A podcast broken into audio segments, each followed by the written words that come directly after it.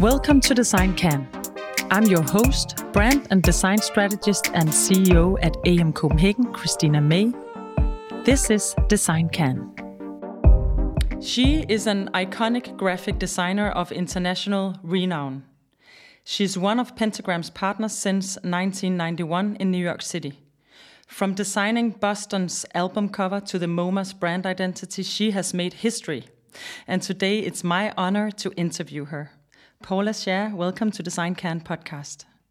Thank you. How does it feel to be introduced this way? Well, it feels pretty good. You didn't make any mistakes. I, what you said was fairly true. That's good. That's good. Do you feel like anything uh, essential is missing? No. Okay, cool. That's that's good. So, um, so I would like to start uh, start at, at, at another place that I would normally do, and just because of this intro, ask you what would you like that, what would you want people to remember uh, about you, just uh, in in uh, in in your work and what you've been done for for so many years now. I just hope they remember me. Ah, okay. I'm sure they will.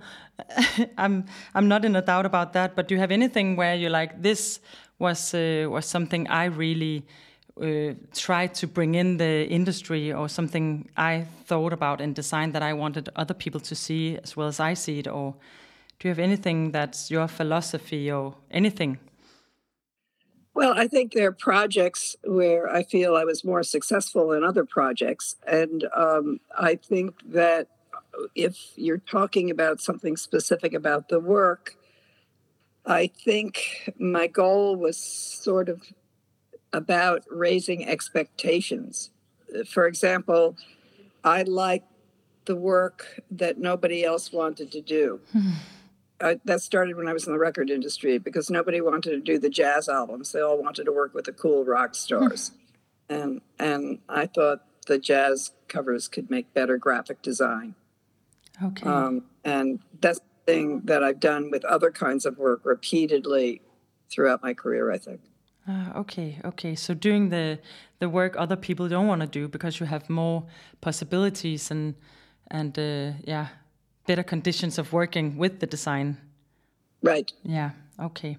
So um, yeah, I we I'm, i sit I sit in Denmark. I don't know if you uh, how well you know Denmark, but I sit in this like Scandinavian uh, d- d- d- design mecca or, or, something. We we tend to think that we have a, a lot to say within design because of our uh, furniture design and industrial design. But um, but do you have a relationship with Europe or Scandinavia um, at any point of with our design philosophy or? I, uh, you know, Denmark is one of the few countries in Europe I've never been to. Oh, okay. Because never invited me. Yeah, I will invite you now. but uh, I do know, you know, I mean, the first time I heard anything about modern was from my mother, who knew what Danish modern furniture was when I was growing up. So I always thought Danish modern was mo- was was the description of all furniture that was modern. Ah, okay, okay because that was the way it was marketed in the United States. Uh, and I told you would, you know, my mother bought this kind of, now they don't even sell it really anymore. She'd buy these very kind of plush chairs and everything had to go together. It all had a match. Mm. And um, she used to get covers for the arms of, of the chairs so you wouldn't get fingerprints on them and she could take them off and clean them. Oh. And it actually wasn't allowed in the living room because I'd mess up her furniture. And then I had a friend I grew up with who had a house that had uh, modernist furniture, and uh, we were allowed to sit all over the place on that stuff. Okay. So that was my first view of modern versus, you know, conservative furniture. And modern one because you could climb all over it. Ah, okay, that's funny. So you had like a furniture battle there. Um, Absolutely.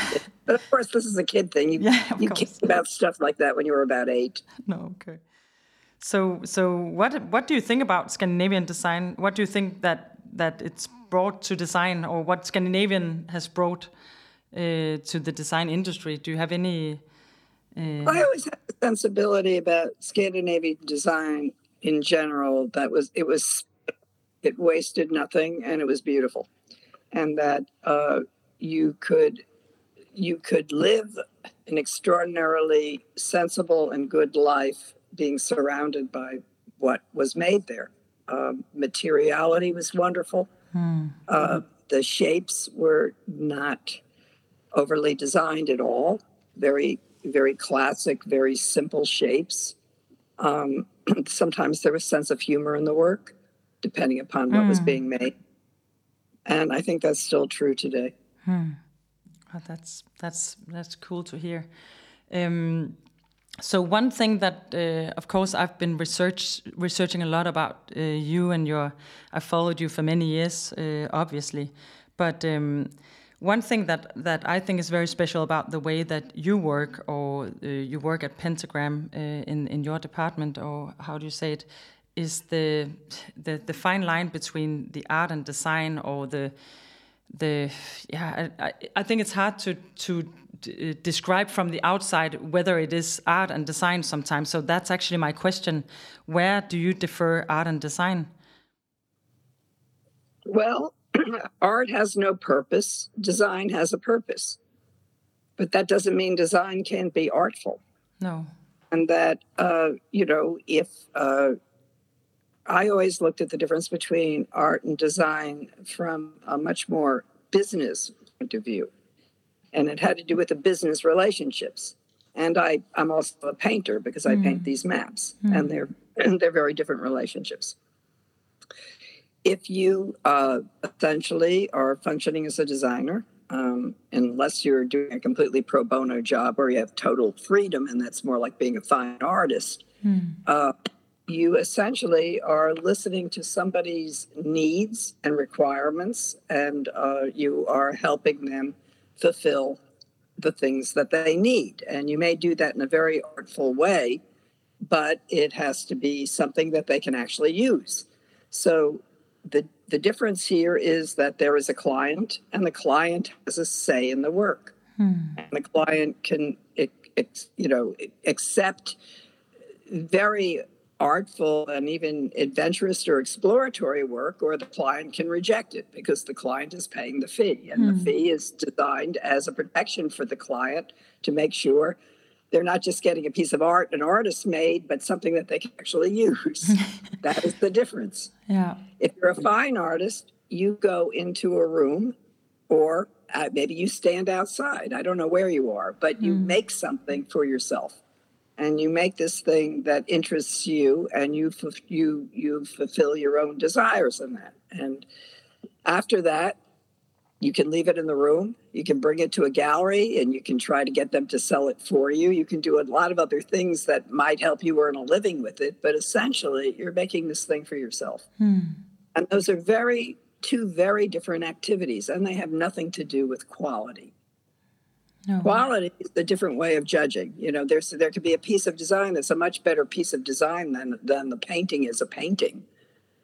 And that that you can't make value judgments about one being better than the other unless you can really determine that there is you know something that is of more value in one area than another. Hmm. For example, a very well executed des- design to promote something that is disgusting, you know, like polluting the environment or, su- or some such thing, is well, the designer made some mistakes in choosing to do that project. I mean, you can make a value judgment that way. It still may be a great, very terrific piece of design. I mean, the Nazis were fabulous. Hmm. That fabulous that identity. Good program. identity, yeah, yeah. Um, one thing I I try to explain it for myself, and I think it's it's totally the same thing that art asks the questions and design answers the questions some somehow. So it's two different ball games. But I think that looking at your uh, looking at your work uh, through all these years, I think there are so much tactility and so much.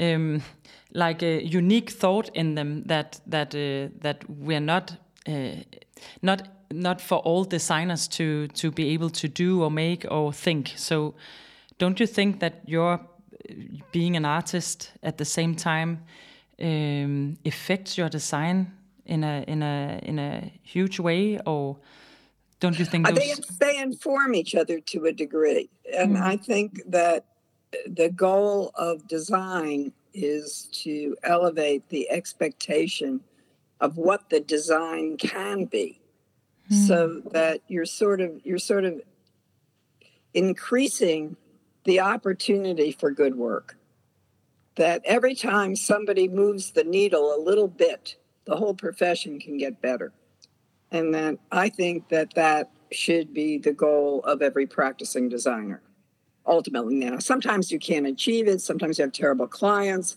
Sometimes you just don't have any ideas. I mean, all kinds of things happen. But that that has to be the goal. It can't be to do what the mainstream does because that gets you nowhere. Hmm. And, and what about this handcraft? This uh, this way that you've always been working? I've seen some some uh, of course documentaries about you and and how you work, but the like the tactility of using a pen or drawing and always uh, uh, scribbling down ideas and and stuff like that. Um, how do you how do you um, how do you see that because that's disappearing for a lot of designers do you, do you and and you've all, over these years um, you've you must have seen some huge paradigm shifts from of course. Well, that was technology. Yeah. Okay. Uh, I mean, there are people who think on the computer. I think making sketches, hmm. and I think when you know, when I work with my associate Kirsten Uber, we draw things back and forth before they get on the screen. Okay, you still do that. You, you start. You have to. I, this was a problem I had during COVID. Uh, when I was working with my team remotely, they can't see the gesture. Mm you know, like if you make a sketch and you hold it up on the screen, they didn't see the gesture of when you made the sketch. When you see the gesture of how you're drawing it, you know how to make it on the screen. Ah, that's a very good point. important. Okay, so can you can you come with that? Can you come up with an example on that? What, how can a gesture? Is it like the the the the angle of the the way you make it, or is it the the way you draw it, or what what do you mean about it? How how how will that? Uh, if you're drawing the, the, you know the part of a letter form mm-hmm. and you want it to swing very wide it isn't just enough to show it's very wide and then somebody does it off a long wide oval you have to see how it becomes thick and thin and fat uh-huh. or if you have something angular and you want to see the exact angle you have to watch the drawing of it because sometimes the drawing doesn't necessarily depict it exactly it depicts what your intent was because mm. you see somebody's intent was when they make the line. Ah, that's interesting. Okay, so so because we had the same uh, feeling of working remotely in in in, in our design company, it it was pretty hard to be to develop things together. Uh, where other other companies they really liked the remote uh, idea of working like that, but it was not possible in our creative uh, part of uh, of the office. So you felt the same way. Was that only because of of these drawing things or working together as a team, but or was it also like the creative space or being together with colleagues? Or do you have any? It was all of that. It was all of that, but mm. there's also eye contact. Yeah. You know when somebody understands what you're saying when they look when you look into their eyes, you see it. You see them get get the the thinking on it or to get the feeling of it. Yeah. I mean, there's so many indescribable gestures you make in design that you can't say, I can only show, I can't explain it. You know, hmm. sometimes I, I, make it a little wider, or make it a little thinner, or make it a little taller. Those things are very general hmm. compared to the ability to see somebody draw it.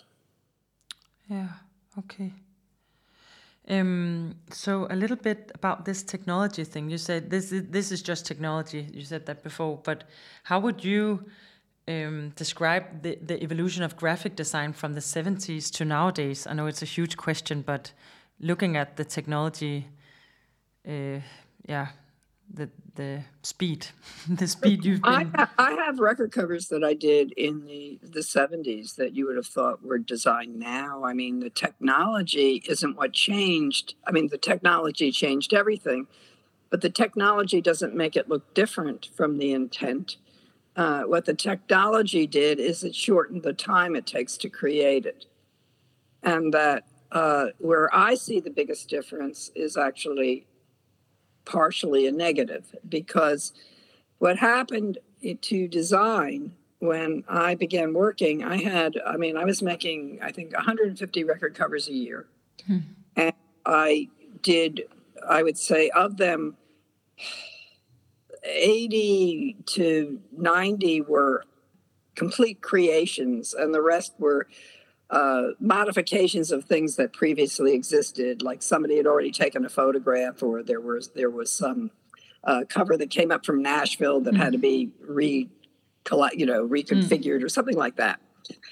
But I would do these covers in the course of a year. Uh, at CBS Records, there was a mechanical department that had 25 people in it, and type type was set overnight, mm. and it would come back the next day. And that if there were any corrections, any proofread corrections, you made them by hand, cutting out characters of type with a little uh, X-Acto knife. And I, there were seven major designers working on those covers who were various entry level and, and more senior level designers in the CBS cover department. So you had seven people, and then there were 25 mechanical people. Oh. So you're talking about uh, 32 people mm-hmm. doing doing those 150 covers or pieces of them. So uh, I don't know, 20, 20 or 25 years later, and I don't remember why, maybe it was 20 years ago, I was up at Sony Records for something or other, and Sony Records had bought CBS Records. And I was visiting the cover department, and of course they don't have big record covers. They they sometimes have CDs. They make images. The images end up winding up being the digital, etc. And they had a hundred. They had a hundred people in the art department, and uh, I said, uh, uh, "How many covers do you make a year?" And they said, um, 150. Mm-hmm. And I said, Do you make operas with librettos? And they said, No. I said, Do you make those big kind of open up albums ever? No, they just make CDs and, and things for digital reproduction. And I looked around, and there were 100 people doing the same work that about 32 used to do. And I wondered what they did with all the extra time. And you know what they were doing they're making changes. Yeah. So so when you look at that, you think that you think that overall technology is like it, it's a tool, but it's also uh, it it also makes it less. It makes it easy to change. Yeah. For example, I used to have a, a copywriter, uh, I mean, a, a, a, a proofreader who would read the proof the type sheets that came back from the typesetter. And she would mark all the corrections and find all the spelling errors and fix all the punctuation. And she would give it to us, and the mechanical room would cut them and, and put them apart, and she would proofread them to make sure they were correct. And then it would go out to the printer. Mm-hmm. Now you proofread and change things 20 million times because the people reading it don't have to do it because they know how easy it is to change it on the computer. Yeah. Why would they have accurate? So the, it, changed, it modified behavior. It also was capable because there was more time to accomplish things, to get the more pe- more people involved in the process on the other side of approvals. So we're getting used to being able to change things, and we let technology uh, help us or guide us, or something where actually it's it's more about just doing it right the first time, or yeah, being more Totally. Yeah. Yeah. I mean, so many changes I make to things that are really irrelevant that didn't make them any better. That no. does that, you know, like finding a typo is fantastic. Mm-hmm, yeah. You know, uh, deciding that they, that you want to look at seven different of the same blues isn't. No. Or you know, being able to show somebody so many color variations of things they can't possibly make a decision, nor can you, because some of it doesn't matter. No. The no. scale's right, color doesn't matter. No. That's so interesting. So I mean, there are things that that are layered onto it, and that also kill the joy of the job. Like they kill spontaneity. Hmm. It's so funny because you actually say the totally opposite that you normally that people normally say about technology, right? Well, I'm not saying te- technology is a wonderful, wonderful thing because mm. I can see things instantaneously. Yeah. Uh, I can make decisions much faster, but that also increases the time for other people who don't know how to make decisions And so we get lazy, maybe. Capability of making changes because they're easy to make. Yeah, and, and we get lazy. We don't have to do it the, the, the best way the first time. Um, I mean, um, for doing things like constructing typography, for you know creating mm. fonts, the technology is miraculous. I don't want to be. No. I mean, I use it. I love it. I love that I can see things very quickly. I love it that I can make revisions very quickly. I love it that I can make those decisions. I don't like it when other people who aren't making the stuff have access to it. No, no. That, I'm saying. No, I understand. Um, okay, so so okay so all these technology thing all these tools uh, they they are they are here to stay uh, and the, the way we work with design and the way uh, young people are getting educated within design are totally different than than uh, than when when you started in the in the industry uh, not necessarily true no okay scale form of course ability to lay out ability mm. to understand negative space and more more importantly the ability to have ideas mm changed at all. That's all the good stuff. Yeah, of course. Do you, what do you think about, because now you've seen these other changes in technology, but you still see the same ground base. Uh, uh, but, but what about uh, AI? Do you? Well, AI, AI is interesting. Mm. Do you, do you feel like it's I, something totally? I have to say that I that I like DALL-E more than I like Chat GPT. Yeah. I mean, DALL-E is kind of great because it's it's actually pretty soon it's going to stop, but it's a lot better than using uh, Getty for mm. images. We had to find some. My my assistant. We had to correct a poster where I had a, an eye crossed out. Don't ask. And then we had to change it because it was going in the sub. I, I said, all right, well, why don't you just put band aids over the eye because they don't want it to look like graffiti. So we put we put uh, two band-aids over the eye, and I thought he was going to photograph it because he had a box of band-aids nearby and strip it in and retouch it. And he says, "No, I found it off DALL-E," and he put it right on there. It was fabulous. Yeah. It, you know, it saved him a hundred hours of hunt because he could just type in what he was looking for and get it done right away. Yeah. That's great. Until they until they somebody says I own that band aid, then you might get sued. I guess. I mean, I can't I can't figure out how that stuff works.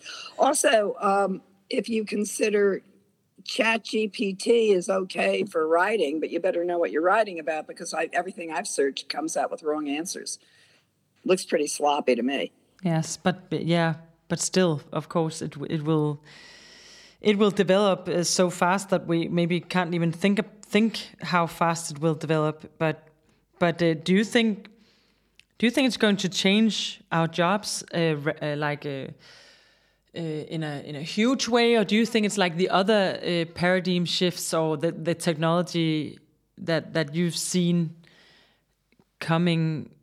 Would it would it be the same thing, or would it be something completely else? Would do we need to think in a totally dif different way at some point? Are we losing our jobs, or I know that you're still, uh, of course, talking about that that the way they were educated, the young people were educated when you were educated. Um, are the same or the same ground structure or design process and, and stuff like that but but don't you see that it or don't you think that it's going to change our way of working together when when AI gets more and more clever and you you're, uh, you're not afraid I of it or no I actually don't no um, I don't I think that uh, I think a lot of it is inaccurate. Uh, the thing, my big fear of, it, of AI is that clever people will use it to create fear, misinformation, try to mm. manipulate markets, do terrible things like that. You'll still go. You'll still make stuff. Yeah, that's nice. Yeah, I mean, it isn't. It isn't. Uh, it not nothing is a nothing originates on that thing. It's all it's all sourced. Mm. People are originators. Yeah. Maybe maybe the equipment can be more advanced where it starts thinking for itself, but I, I imagine that would be fairly limited. Hmm. You have to have a little bit of uh, your own DNA into into. They would have to build a, the combination of everybody's DNA into those machines to get them to actually completely replace people, and the and the, the, the jobs that are replaceable probably should have been in the first place. Yeah, that's a good. I mean, point. there's so many things that went away, like uh, you know, typesetting and hmm. printing. I saw total industries be overthrown in the in the early 80s you know like the things began things began to change where where where craftsmen i knew for years and worked with lost their jobs. Hmm. uh, retouchers uh, people who you know put together photo montages a, hmm. a lot of craftsmen who didn't have necessarily have ideas but executed projects. And then it was done by a piece of equipment. Yeah. And, and yet i don't think that it was worse because of the piece of equipment no. What I, uh, when I taught, I, I mean, I began teaching in 1981, and um, I taught at the School of Visual Arts for 39 years. And during that period, the kids had a shift from a craft-based profession to a, to a, a computer-based profession. Hmm. And for the period of I think about three years when they were learning how to work on the computers, the software wasn't developed properly and you couldn't turn type on its side. And you had to print it out and then turn it around by hand, or you try to design something where you, if you were too lazy to print it out and turn it by hand, you'd fix it. And I have to say, I've been in touch with a lot of my students, and the students I had during that period of the craft changing to be automated had the worst portfolios. Mm and that when that period was over and the kids began learning on their computers then they became as the earlier kids and then surpassed them mm. so you don't so that, you know like there's a, a, a period of interruption where you have to adapt to the equipment and the equipment has to be advanced to the point to the point that it's really usable so a little bit around that, this this crafting by hand and uh, and then uh, to the the the computering. Don't you think that, or do you do you see that crafting by hands, maybe hand maybe gives a natural delay and and more time to observe and realize what you do? Uh, is is this slowness relevant? Because I think what's what technology also does, like like you already said, it it's in another pace, right? But do you think that? Uh, do, would you give that advice? Because now that's the way you work. Would you give that advice to to uh, young designers out there uh, to to get used to being more crafty or uh, taking a, a, a, some steps back or? Not really. Okay. I think I think they should design the way they're comfortable designing. I think that they they can't they have to think about design holistically. Some of it is making stuff, some of it is understanding how your clients think and how they're going to make decisions. Uh, some of it is uh, creating some space for yourself where you do a form of exercise that may be making stuff by hand, or maybe drawing, or maybe some other thing that you're experimenting with on the computer. I mean, I think you need a combination of all these things to you know, grow as a designer. Hmm. What you don't want to be doing is living in a landscape where you're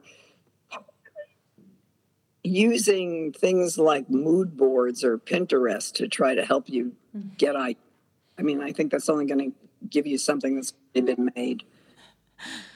Yeah. Point taken. um, so yeah, okay, that that's answer enough about AI. It's uh, I know that you're working a lot with AI in, in Pentagram as well. Uh, but yeah, but we, did, we did a project with AI because WeTransfer invited us to do a magazine. It's it's actually it was fun. Okay. But you can't don't think it's going to take away your job. You'd have to be able to work with Photoshop to do it. Yeah. You know, if you think a marketing person is going to take your job and they're just going to call up something on AI, good luck. yeah. Um, okay, so I have some some uh, some quick questions here. So how do you how do you find balance? I know it's a, a, a huge one, but how do you find balance? Well, I I am in the office four days a week, and uh, I'm in the country three days a week. Okay. And that is a very good balance for me. I tend to to do my personal work in the country, and I do my graphic design work in the city. And they take different times to do the things. In the country, I'm painting, mm. and in the city, I'm working with teams on computers. And um, I in the country I don't talk to anybody. In the city I talk to a lot of people. Hmm. Some of them I don't talk to, but don't have any choice. And that you know there is that that kind of balance. Um, the the the country moves slow. The city moves fast. Hmm. The country, the city is full. You know that that balances each other out. Hmm. Okay. Um, how do you deal with fame? Because you can't. Uh you can't not not uh, say that. Well, it, does, it doesn't help you make any more money. I'll tell you that. okay. No, do you? But you've lived with it for many years. You are. I don't want to say it again because I know that you maybe don't like to hear it. But you are, of course, one of the one of the most uh, important graphic designers in in history. So that fame, how do you deal with that? Is it okay or? No, it isn't. It isn't okay or not okay. It doesn't really. It doesn't, doesn't affect really you. to do with me because it doesn't have anything to do with like the next email I'm going to answer or the way a client responded to something or you know my ability to make something happen or just sometimes it makes me feel like a fraud you know mm. i mean it hmm. isn't it's nice i guess i think other people like would like that or they think it's something to be to aspire to or be jealous of or whatever. It isn't anything. It's really helpful that much. How do you deal with failure? You know, I, I, I'm always, I always hate when something doesn't work. I mean, I really hate when I get fired off a job or, uh, or something's canceled or I don't win a job or, but then I forget about it really fast. I find that I don't I don't remember lots of things that were, you know, failures, just because I don't want to remember them. I guess. I mean, I just sort of they, I just sort of keep going on, you know, and go on to the next thing. But you need them, hmm. and sometimes you learn from them. Yeah. Which projects are closest to your heart? Well, I've been working for the public theater uh, mm. for 29 years. I guess that's a long client relationship. yeah. And um, I get to do whatever I I want and advise for a season. I almost never have any pushback. Um, and I, am very happy with the relationship, and um, I love what they do, and um, I I've really enjoyed working with them. I've been I've, I've used them in a way because I I get to experiment and try something uh, that I might use on another type of project. I feel like I could do a lot of invention with them, um, and that's been fantastic. Hmm. Um, what what would you say when you look at at uh, at design? Um, what would you say are the current challenges design is facing? Now we talked about uh, the past and maybe what to come with AI and stuff, but what do you think are the current challenges? I think the biggest challenge uh, uh for designers is getting their clients to understand the difference between a designer and a design firm and an advertising agency. Ah, that's a good point. Can you elaborate a little bit about that? Well, I'm trying to re- I'm trying to remember the word that we use to describe it. Design designing an identity is foundational. It's a thing that is supposed to exist for a long period of time. And the advertising agencies should not be in the interest of doing that because they're looking for things to be redesigned continuously because they are selling advertising and that they want to be on top of the moment with the newest thing because that's what they're doing mm-hmm. and that that is not what the goal of design is the goal of design is to make something that actually lasts i have logos that are 35 years old some approaching 35. I don't want them to be changed because that's how that organization is recognized. Mm-hmm. Now, when you start mixing advertising agencies with design firms and, and sort of muddle it up, the goal of the advertising agency is to uh, create uh, sort of definitions of the product and mission statements and then and then carry that through their advertising and then carry it through in the logo design and then uh, ultimately it all winds up on instagram moving around at a very fast pace. The thing is that if you take something that was designed with with a mission statement uh, i'll give you one it was called citibank hmm. and the citibank logo was redesigned because it was a merger between Travelers Insurance Company and Citigroup. And the uh, logo was the word city with an arc over the top of it, which was the top of an umbrella metaphorically, because Travelers Insurance Company used to have an umbrella as their logo. Hmm. And the bottom of it, I picked the typeface Interstate at the time because it had a curved lowercase bottom of the T, you know, where the bottom of the hmm. T curved. Hmm. And that was an umbrella handle. Mm. So it was a it was a marriage between the word city and the symbol of travelers, even though it was an abstracted symbol.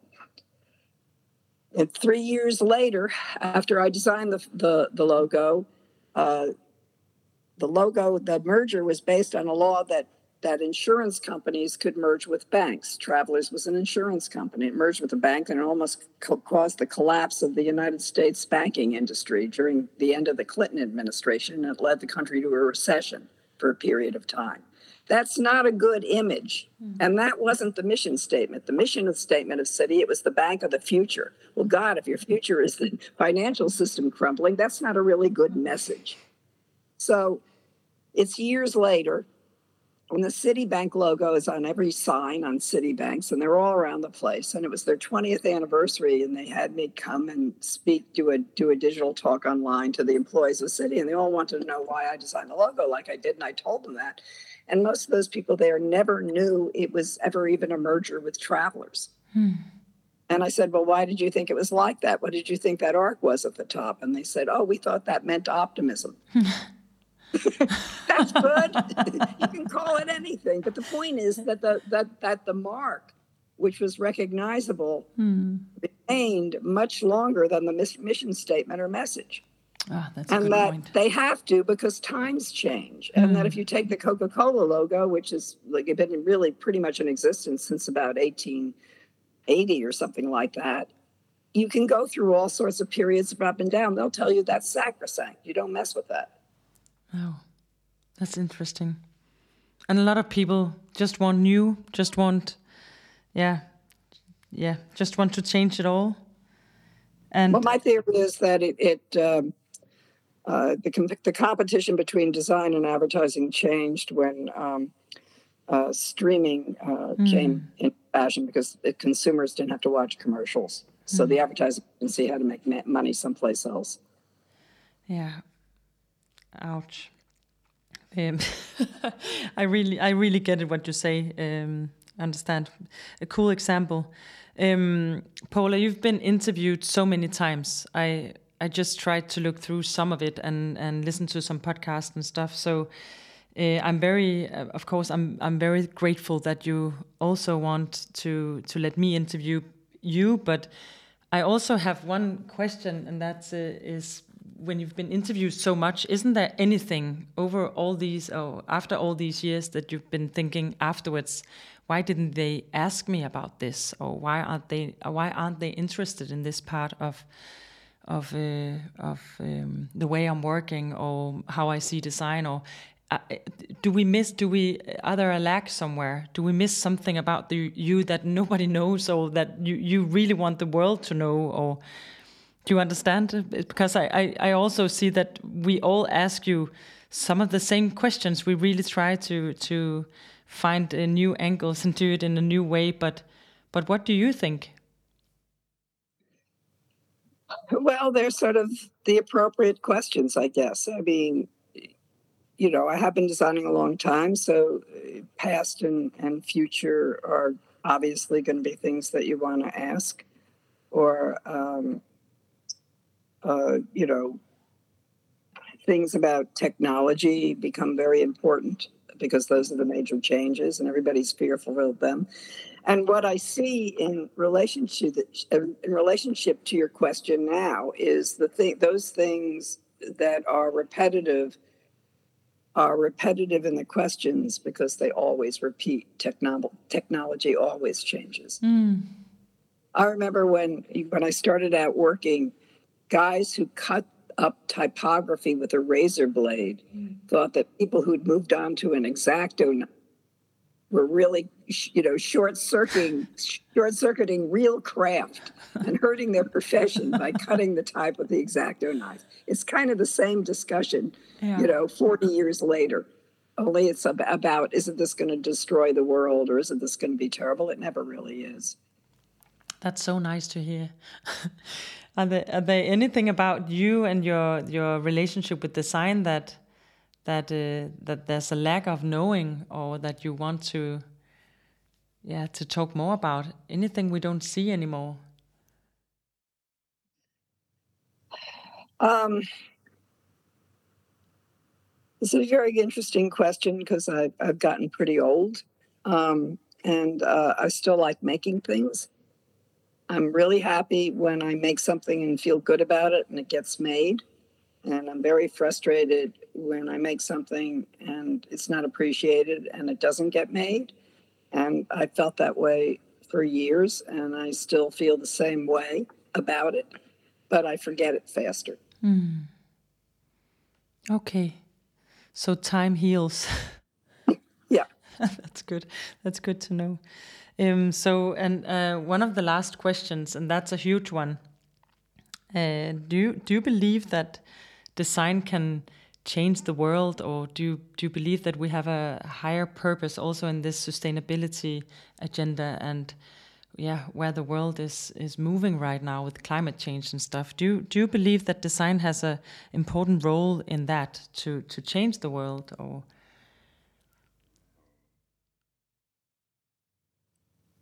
Well, the problem with that question is that 90% of everything we do, I guess, is fairly wasteful. You know, I mean, you're using a paper or you're using a, a, a whatever the computer is doing that's terrible. I mean, everything is terrible. Oh, so I, I, you know, I mean, you, you, you know, whether you're using a power or you're using a memory or you're using a natural resources, we all are all the time. And so, how do we get that into some kind of balance? I really don't have the answer to that. No, it's also a huge question. Um, do you have any when when you work with design? Do you have any like rules for what to work with and not, what not to work with uh, regard regarding this? Like a, a better planet tomorrow than it was yesterday, or like do do you, do you defer like that with clients or? I'm trying to think if I do anything I think is really terribly horrible. Um, yeah. Okay.